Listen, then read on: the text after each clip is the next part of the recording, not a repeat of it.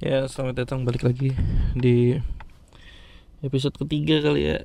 Ah, masalah gue bikin ini cuman satu hari setelah episode 2 kemarin. Karena sebenarnya hari ini gue nggak ada jadwal terbang, cuman um, tadi gue lagi main CS teman-teman gue pagi-pagi jam 9an tiba-tiba gue ditelepon dari tracking dia bilang minta bantuannya buat uh, sore ini buat terbang jam 5 sore nanti ke Medan. Uh, Vendel aja jadi cuman Soekarno Hatta Medan Soekarno Hatta aja sih dua landing. Ya dua landing aja karena schedule gue hari ini harusnya standby. Terus um, ya uh, schedule standby itu ya kita harus standby aja sih. Harus siap kapan kita di uh, hubungin tiba-tiba suruh datang ke bandara ya kita harus bisa ya. Itulah.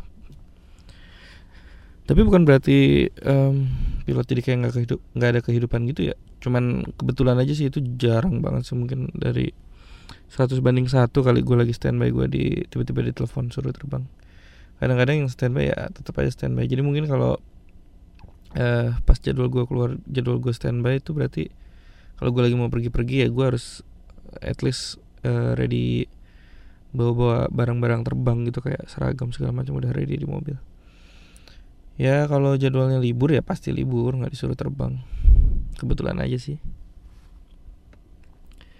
Ngomong-ngomong gue dengerin podcast gue sendiri kemarin bukan dengerin sih. Jadi kayak um, kalau gue lagi di jalan gini kan gue nge-recordnya pakai handphone ya uh, format handphone uh, recorder handphone gue tuh nggak bisa langsung diupload gitu ke Anchor. Jadi gue render dulu di komputer terus gue hmm, dengerin. Karena endingnya kan agak buru-buru kemarin karena gue ditelepon disuruh uh, langsung ke flight operationnya maskapai gue di bandara. Terus gue dengerin gue tuh lagi ngomongin teman gue itu kan. Terus um, gue kayak belum ngomong gitu podcast temen gue itu apa gitu. Gue baru ngomongin instagramnya dia. Ya jadi podcastnya Pradana itu ada di Renjakes Renja Renja Renjakes Renjakes ah, aku nggak tahu. Ya pokoknya gue pendengar dia kok gue pendengar setia dia. Terus um, ya kalian langsung uh, cek aja karena kemarin kebetulan gue lainan sama dia ngelain gitu. Uh, gue ngomong um, kalau belum upload lagi? segala macam karena kan dia janji di podcastnya itu setiap hari Rabu dia upload. Terus dia malah kayak kaget ah ini hari Rabu ya bukan hari Selasa dia terus thank you udah diingetin. Ya kayak gitu lah um, gue masih diam di mobil. Kecepatan 45 menit ya lumayan lah tiduran dulu sambil ngoceh di mobil. By the way nanti gue schedule terbang gue itu jam 5 sore. Um, dan uh, nanti gue landing malah setengah satu malam ini. Itu pagi banget. Yang which is gue landing di hari berikutnya. Harusnya di hari besok gue nggak nggak ada terbang sih. Karena seharusnya besok itu gue pagi ke Semarang bolak-balik terus ke Surabaya bolak-balik. Tapi ya hilang schedule-nya karena itu um, berangkatnya aja jam 5.45 tuh sedangkan gue baru landing jam setengah satu malam jadi nggak mungkin banget buat gue jalanin schedule itu dan akhirnya hilang. Dan gue sih berharapnya nggak dapat schedule terbang ya. Gue pengen di uh, gue pengen jalan-jalan sih sama anak istri gue itu uh, surprise ya. Um, kayaknya gue udah bilang ke kalian berkali-kali kalau uh, gue itu nggak uh, ngepost di mana-mana kalau gue ini punya podcast. Tapi ternyata yang dengar ada loh. Um, ada 5 sampai sepuluh orang gitu. Buat gue sih agak aneh aja karena gue nggak gue nggak ngerti kalian gimana caranya bisa nemuin gue gitu. Gue sih berharapnya uh, podcast gue ini bisa continue ya. Cuman gue harap gue nggak kayak kehabisan konten gitu. Mau bikin apa? Uh, jadi ngomongin apa ya? Oh ya nggak usah melulu soal penerbangan nggak apa-apa kali. Jadi kan kayak yang udah kalian tahu kalau uh, gue itu uh, tidak dijemput um, dari kantor gue untuk uh, terbang gitu. Jadi nggak ada fasilitas jemputan dari kantor yang notabene gue harus menentukan uh, transportasi gue sendiri gitu loh dari rumah ke bandara gimana caranya. Nah uh, gue itu sering ya uh, bukan sering sih. Jadi kalau jadwalnya uh, cuman vendel atau bolak balik aja nggak ada nginep ya gue sesering mungkin gue bawa mobil. Karena lebih irit aja sih um, kalau gue pakai taksi langganan gue itu um, sekali jalan itu 180 ribu. Belum sama tolnya. Tolnya tuh kalau rumah gue tuh kayaknya bolak balik bisa 60 ribu deh. Jadi ya kayak 60 tambah 180 tuh udah berapa? Udah 240 gitu kan. Kayak mahal banget. Tapi kalau gue bawa mobil mungkin gue parkir mobil cuma sekitar nggak nyampe 100 ribu. Terus kan kalau kita compare terus ditambah tol lah ya 160 itu kan hampir selisihnya 100 ribu ya 100 ribu kalau gue hitung itu ya mendingan buat bensin gue sendiri lah. Ya gitu sih tetap ngirit. Namanya juga hidup nggak boleh boros-boros. Ya bilang aja gajinya kalau gede. Oke jadi gini yang mau gue omongin sebenarnya um, yang gue bilang tadi ada masanya gue bawa mobil sendiri ada yang kalau gue lagi uh, schedule yang nginep ya gue pakai jemputan. Um, ini gak tahu ya gue bingung. Jadi tadi gue bawa mobil sendiri terus di gerbang tol dekat rumah gue itu ada sekitar tiga pintu lah tiga pintu tol gitu. Tiga gerbang tol maksud gue. Um, uh, dua gerbang itu dua kasir itu agak panjang. Ya maksudnya satu barisan tuh bisa ada lima mobil gitu. Sedangkan yang di tolnya itu um, kosong. Kan uh, ya udah gue langsung aja masuk ke situ ya. Uh, yang pakai uh, mesin sorry yang uh, gerbang tol otomatisnya GTO nya lah gue bingung dah kenapa sih orang-orang lebih seneng ngantri gitu? Um, apa mereka nggak percaya sama robot-robot itu? Apa mereka um, mengeluarkan isi hati mereka buat uh, kembalikan pekerjaan mereka tukang gerbang tol park apa gerbang tol gitu jangan musnahkan mereka gitu atau gimana? Um, karena kalau gue lagi pakai driver langganan gue dia juga melakukan hal yang sama lucunya. Maksudnya gue udah lihat nih kan dari jauh nih wah gerbang tol nih ini ngantri ini ngantri itu GTO kosong tuh. Lah driver gue tuh malah ngantri di belakang mobil yang lain. Gue sih gue tuh orangnya nggak pernah berani berkomentar ya. Maksudnya nggak pernah negur orang langsung maksudnya dan nggak pernah nyuruh juga pak ke sana aja atau gimana gitu. Atau pak kenapa sih ngambil sih nah gue tuh bukan tipe kalau orang kayak gitu. Gue tuh diam aja padahal. Tapi dalam hati kayak ngeluh gitu apa sih? Lu kenapa sih nggak ngambil situ aja gitu loh? Ya sebenarnya nggak apa-apa juga paling itu cuman beda beberapa menit doang kan. Cuman ya menurutku lucu aja wasting time aja gitu loh. GTO nya ada kosong berfungsi dan tidak rusak. Lu ngantri dan nggak tahu deh beberapa dari kalian mungkin kayak gitu gak sih? Gerbang tol otomatis yang nggak ada orangnya gitu terus kayak nggak pede gitu. Duh duh duh gitu. Padahal ya kalau mesinnya rusak ya pasti ditutup lah sama orang tolnya gitu loh.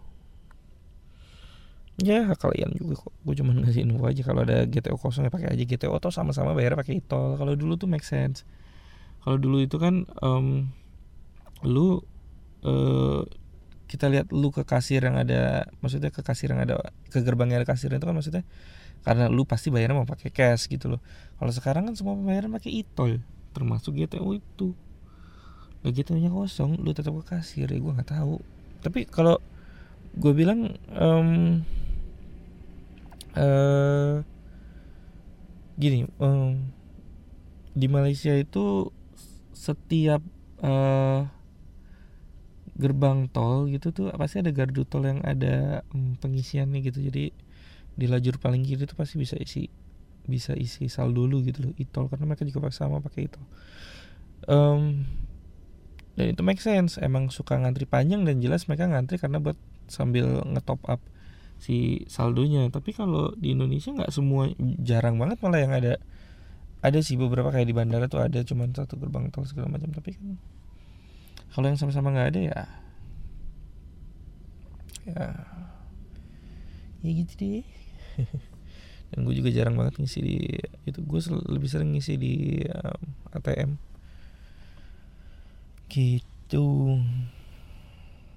Apa lagi yang ngomongin udah belakangan ini um, di jalan kalau gue lagi sendiri nyetir gue lagi jarang banget dengerin dengerin lagu. Gue lebih banyak dengerin podcast podcast orang kenapa ya? Karena eh, podcast itu sebenarnya kan sama sama radio ya. Cuman lebih frontal aja omongannya. Sama sih kayak istilahnya kayak TV sama YouTube gitu lo bisa menentukan pilihan lu apa yang mau lu dengar apa yang mau lu uh, tonton ya gak sih? Lebih seru aja. Terus kayak um, sama si caster casternya tuh kayak kita punya hubungan yang lebih gitu loh. Jadi uh, lebih dekat gitu loh. Um, ya. Gitulah jadi gue dengerin beberapa podcast orang-orang. Seru-seru sih bahasannya. Um, gue nggak tahu apakah gue bakal punya pendengar setia kayak mereka gitu.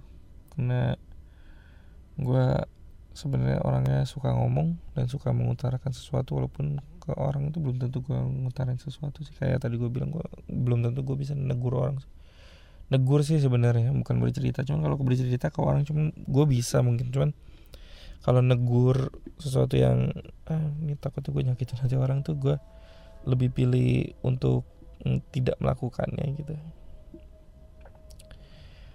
Allah Alhamdulillah. Gue mendengar suara azan asar sini. Mungkin sebelum ke vlog nanti gue sholat dulu terus baru ke vlog. Insyaallah um, berhubung gue gak tau mau ngomong apa nih tapi di depan gue ada KFC nih. Uh, eh, gue bingung sama Texas. Depan gue KFC tapi gue bingung sama Texas. Ya Texas tuh menurut gue tuh bisa ada di levelnya mereka gitu ada di levelnya KFC sama McD gak sih? Walaupun Texas itu katanya emang buatan Indonesia maksudnya itu company Indonesia tapi menurut gue nih notabene kan dulu kan di mall-mall Texas itu banyak ya di pinggir-pinggir jalan gitu maksudnya. Uh, banyak uh, outlet store-nya gitu kenapa uh, Texas menuju ke Punane ya jujur aja menurut gue sih ayamnya enak. Dibanding sorry bukan dibanding KFC enak dengan karakternya sendiri McD juga enak dengan karakternya sendiri Awi juga gitu. Tapi ya Texas enak cuy. Uh, ininya loh apa namanya orang kan pada bilang ya orang pacaran tuh bisa berantem gara-gara ngerebutin uh, kulit ayam gitu.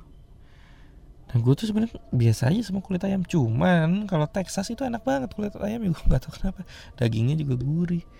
Nah tahu di tempat-tempat kalian masih ada Texas gak sih? Kalau di Bandung tuh juga ya notabene gue gue orang Bandung ya asli cuman karena gue kerja jadi gue tinggal di Jakarta rumah gue di Tangerang gitu. Um, di Tangerang gue belum lihat Texas di mana gue nggak tahu ada Texas apa enggak di Jakarta yang segitu gede yang masih gue lihat ada itu di Sleepy Jaya doang paling di deket Tomang situ. Itu masih ada Texas tuh. Di Bandung gue nggak tahu Texas ada di mana. Jalan Riau ada gak sih buat kalian yang orang Bandung? Texas tuh masih ada di mana sih? Gue eh, suka banget gue sama Texas ayamnya itu ya Allah kalau KFC lu gampang nemuin di mana-mana bahkan kan KFC merek internasional ya.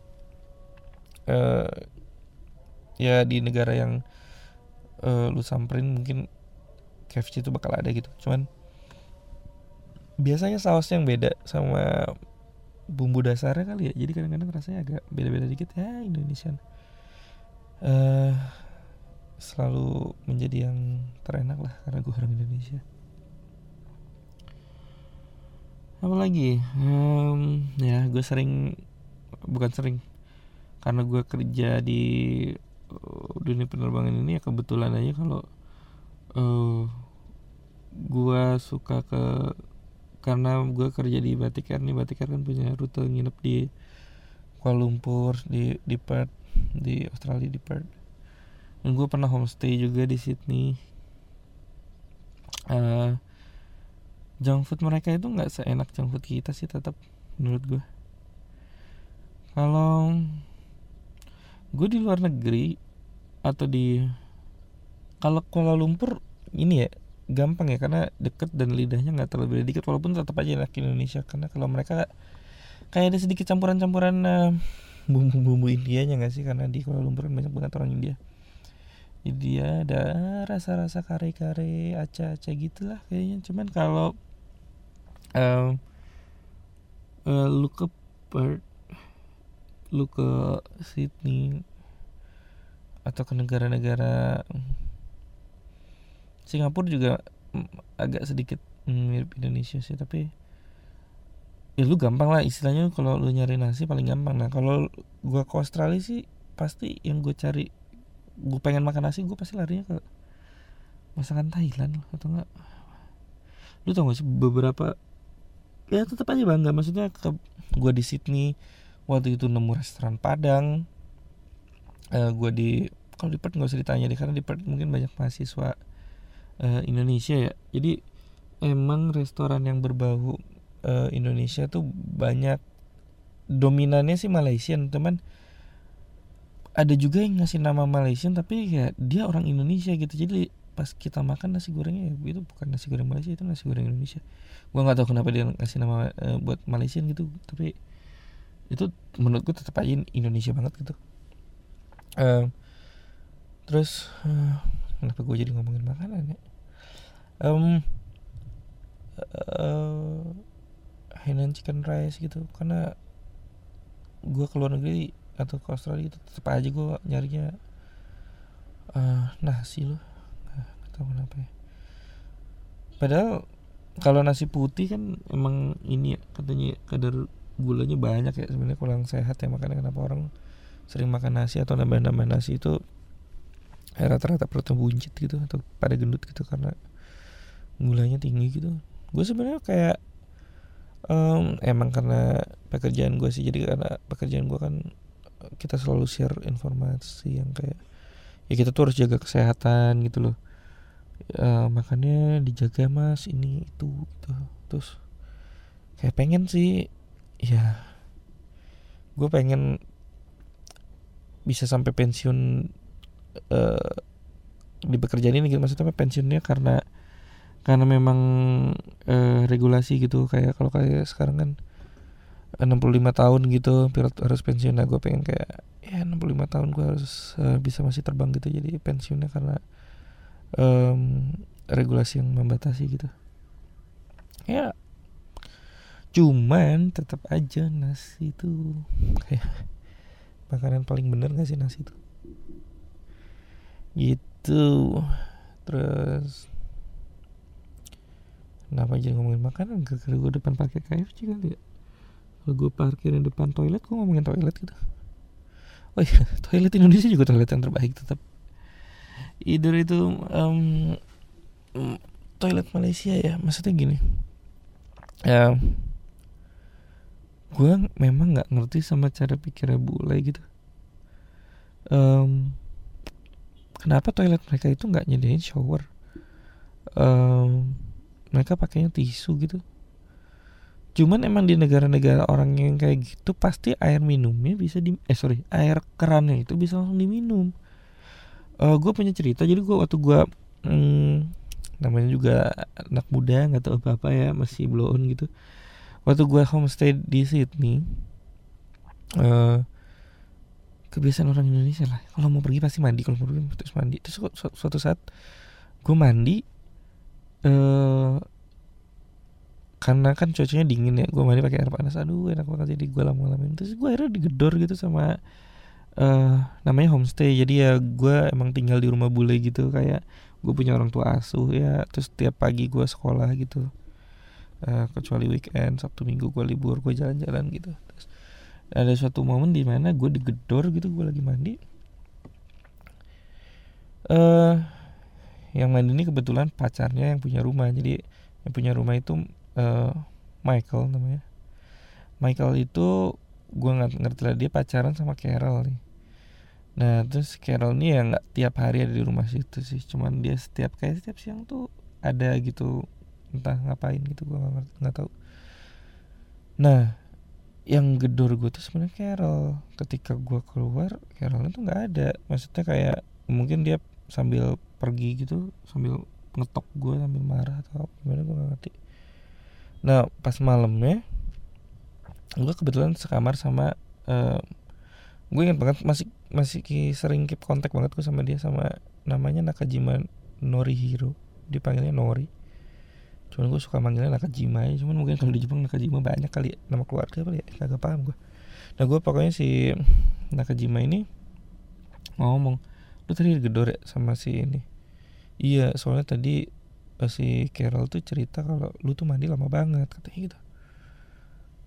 Emang kenapa? Gue bilang kan ya jujur gue emang belum tahu banget waktu itu gitu bahwa uh, air ternyata segitu mahalnya jadi emang kebetulan di rumah itu setiap hari kita tuh ada kita memang dikasih makan malam gitu. Jadi nah makan malamnya ini enaknya keluarga gue adalah dia bukannya dia buat kita makan tapi ya kita makan bareng-bareng gitu loh jadi makan sambil curhat sambil apa gitu ngobrol-ngobrol bahasa Inggris. Ya memang tujuannya homestay kan itu kan. Jadi kita mau nggak mau ngomongin bahasa Inggris terus. Nah di situlah uh, sebenarnya gue belum sempat minta maaf atau gimana karena itu masih di hari yang sama ya. Terus menurut gue no big deal gitu. Bukan suatu kesalahan gue ngapain.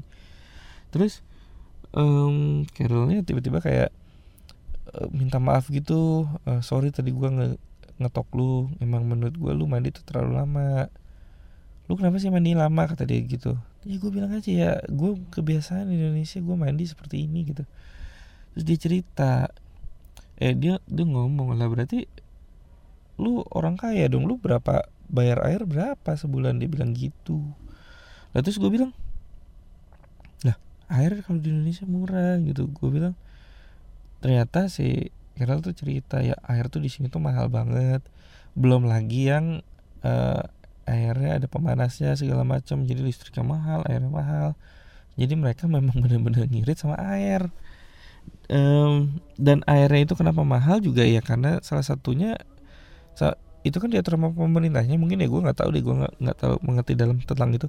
Tapi si airnya itu memang bisa langsung minum dan itu uh, katanya ada fluoride-nya. Jadi air itu bagus buat giginya lu katanya gitu. Jadi lu dengan uh, sering mengonsumsi itu uh, ya gigi lu bagus gitu terus kayak air lu ya air sehat air bersih segala macem.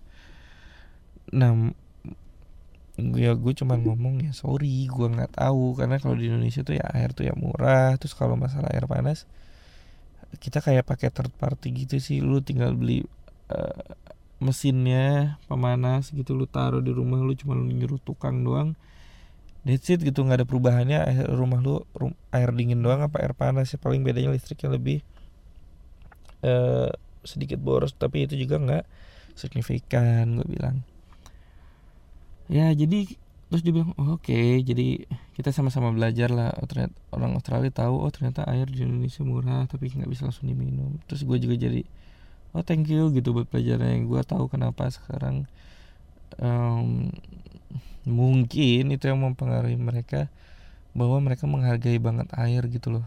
Um, uh, nggak nggak mungkin gitu loh. Kayak mereka berpikir air itu buat gue minum gue pakai mandi masa gue pakai buat tai? Gitu kali ya mikirnya kali ya. Atau gimana? Jadi kagak nyediain shower gitu loh. Gue pernah diundang ke salah satu rumah orang Indonesia di Perth. Uh, ini baru gue temuin juga. Gue nemuinnya tuh um, toiletnya rumah dia itu ada showernya yang buat di klosetnya. Nah hmm, gue juga nah di situ gue ngomong ih ini enak ya ada kloset Indonesia banget gue iya sebenarnya ini pun tetap nggak boleh sebenarnya karena bla bla bla. Ya gue nggak tahu karena mungkin sih akhirnya tuh bakal balik lagi ke sebuah penampungan terus diolah gitu sama mereka terus akhirnya pakai lagi apa gimana gue juga kagak tahu. Tapi ya sebenarnya dia bilang ya sebenarnya ini juga nggak boleh tapi ya gimana? Indonesia nggak bisa men nggak pakai air. Malaysia pun nggak semua toilet ada beberapa yang pakai dan beberapa yang enggak ya cuman lebih banyak yang enggak gitu kayak gue ke genting gitu ke kasinonya di kasinonya tuh nggak ada uh, air. Jadi gue kalau lagi ke kasino terus tiba-tiba pengen boker gitu ya memang di tas gue gue selalu bawa tisu basah bawa hand sanitizer segala macem. Bawa persiapannya kayak udah persiapan di pesawat aja. Gue kebetulan terbiasa dengan kayak gitu karena gue uh, ya di pesawat kan kagak ada ini kagak ada showernya ya. Jadi gue kalau mulus apa boker ya tetap aja gue udah biasa pakai tisu pakai tisu basah gitu-gitu cuman tetap aja lebih steril. Kalau bule itu kan bener-bener cuma pakai tisu tisunya doang tisu gitu lah tisu kering. Kalau kita mah tetap aja tisunya dibasahin dulu lah dikasih sabun dulu atau uh, sanitizer dulu atau apa. Terus ujung-ujungnya baru penutupannya dengan um, tisu basah jadi kitanya juga nggak risih kan. Ya gue nggak tahu lah gimana kalian udah terbiasa sama hal-hal kayak gitu belum sih? Yang lu bisa nggak sih ke toilet nggak ada air gitu? Bukan buat ngeflashnya ya ngeflashnya mah ada ada aja cuman buat uh, ceboknya lu lah gitu. Hmm. kenapa gue jadi ngomongin cebok? Tapi ya gitulah maksud gue um, segitu dulu aja deh. Gue udah berapa lama ini ngomong? Karena 15 menit lagi udah sign on time nya gue ya udah 26 menit uh, cuap-cuap. Uh, eh, gue harap siapa pun kalian yang dengerin gue gue nggak tahu kalian siapa gue nggak tahu kalian datang dari mana. Ya gue harap lu bisa terhibur dengan omongan gue gak tahu gimana sih gue maksudnya gue bikin podcast tuh bukan nyari duit aja gue cuma pengen ngomong. Gue pengen pengen mencoba hal baru aja gitu. Ternyata ada yang dengerin gitu. Ya gue nggak tahu sih dengerin buat di ini ini apa sih orang tai gitu tapi atau ternyata dengerin intens gitu lu suka dengan entah pola pikir gue entah merasa nyambung atau gimana. Semoga ke depannya gue bisa balik ke podcast dengan uh, konsep yang lebih jelas walaupun mungkin ke depannya tetap gue pengen ngomong seenaknya aja gitu apa yang ada di depan gue gitu. Gitulah. Ya udah gue mau terbang dulu. Um, sampai ketemu di copan-copan berikutnya oh ya gue lupa kali ini. Gue belum ngomong. Selamat datang di ocehan seorang pilot. Nama gue Prasetyo Jaya Wijayanto karena gue baru ingat dan gue mau nutup gue nutup sekalian deh. Gue pamit. Assalamualaikum warahmatullahi wabarakatuh. Bye bye guys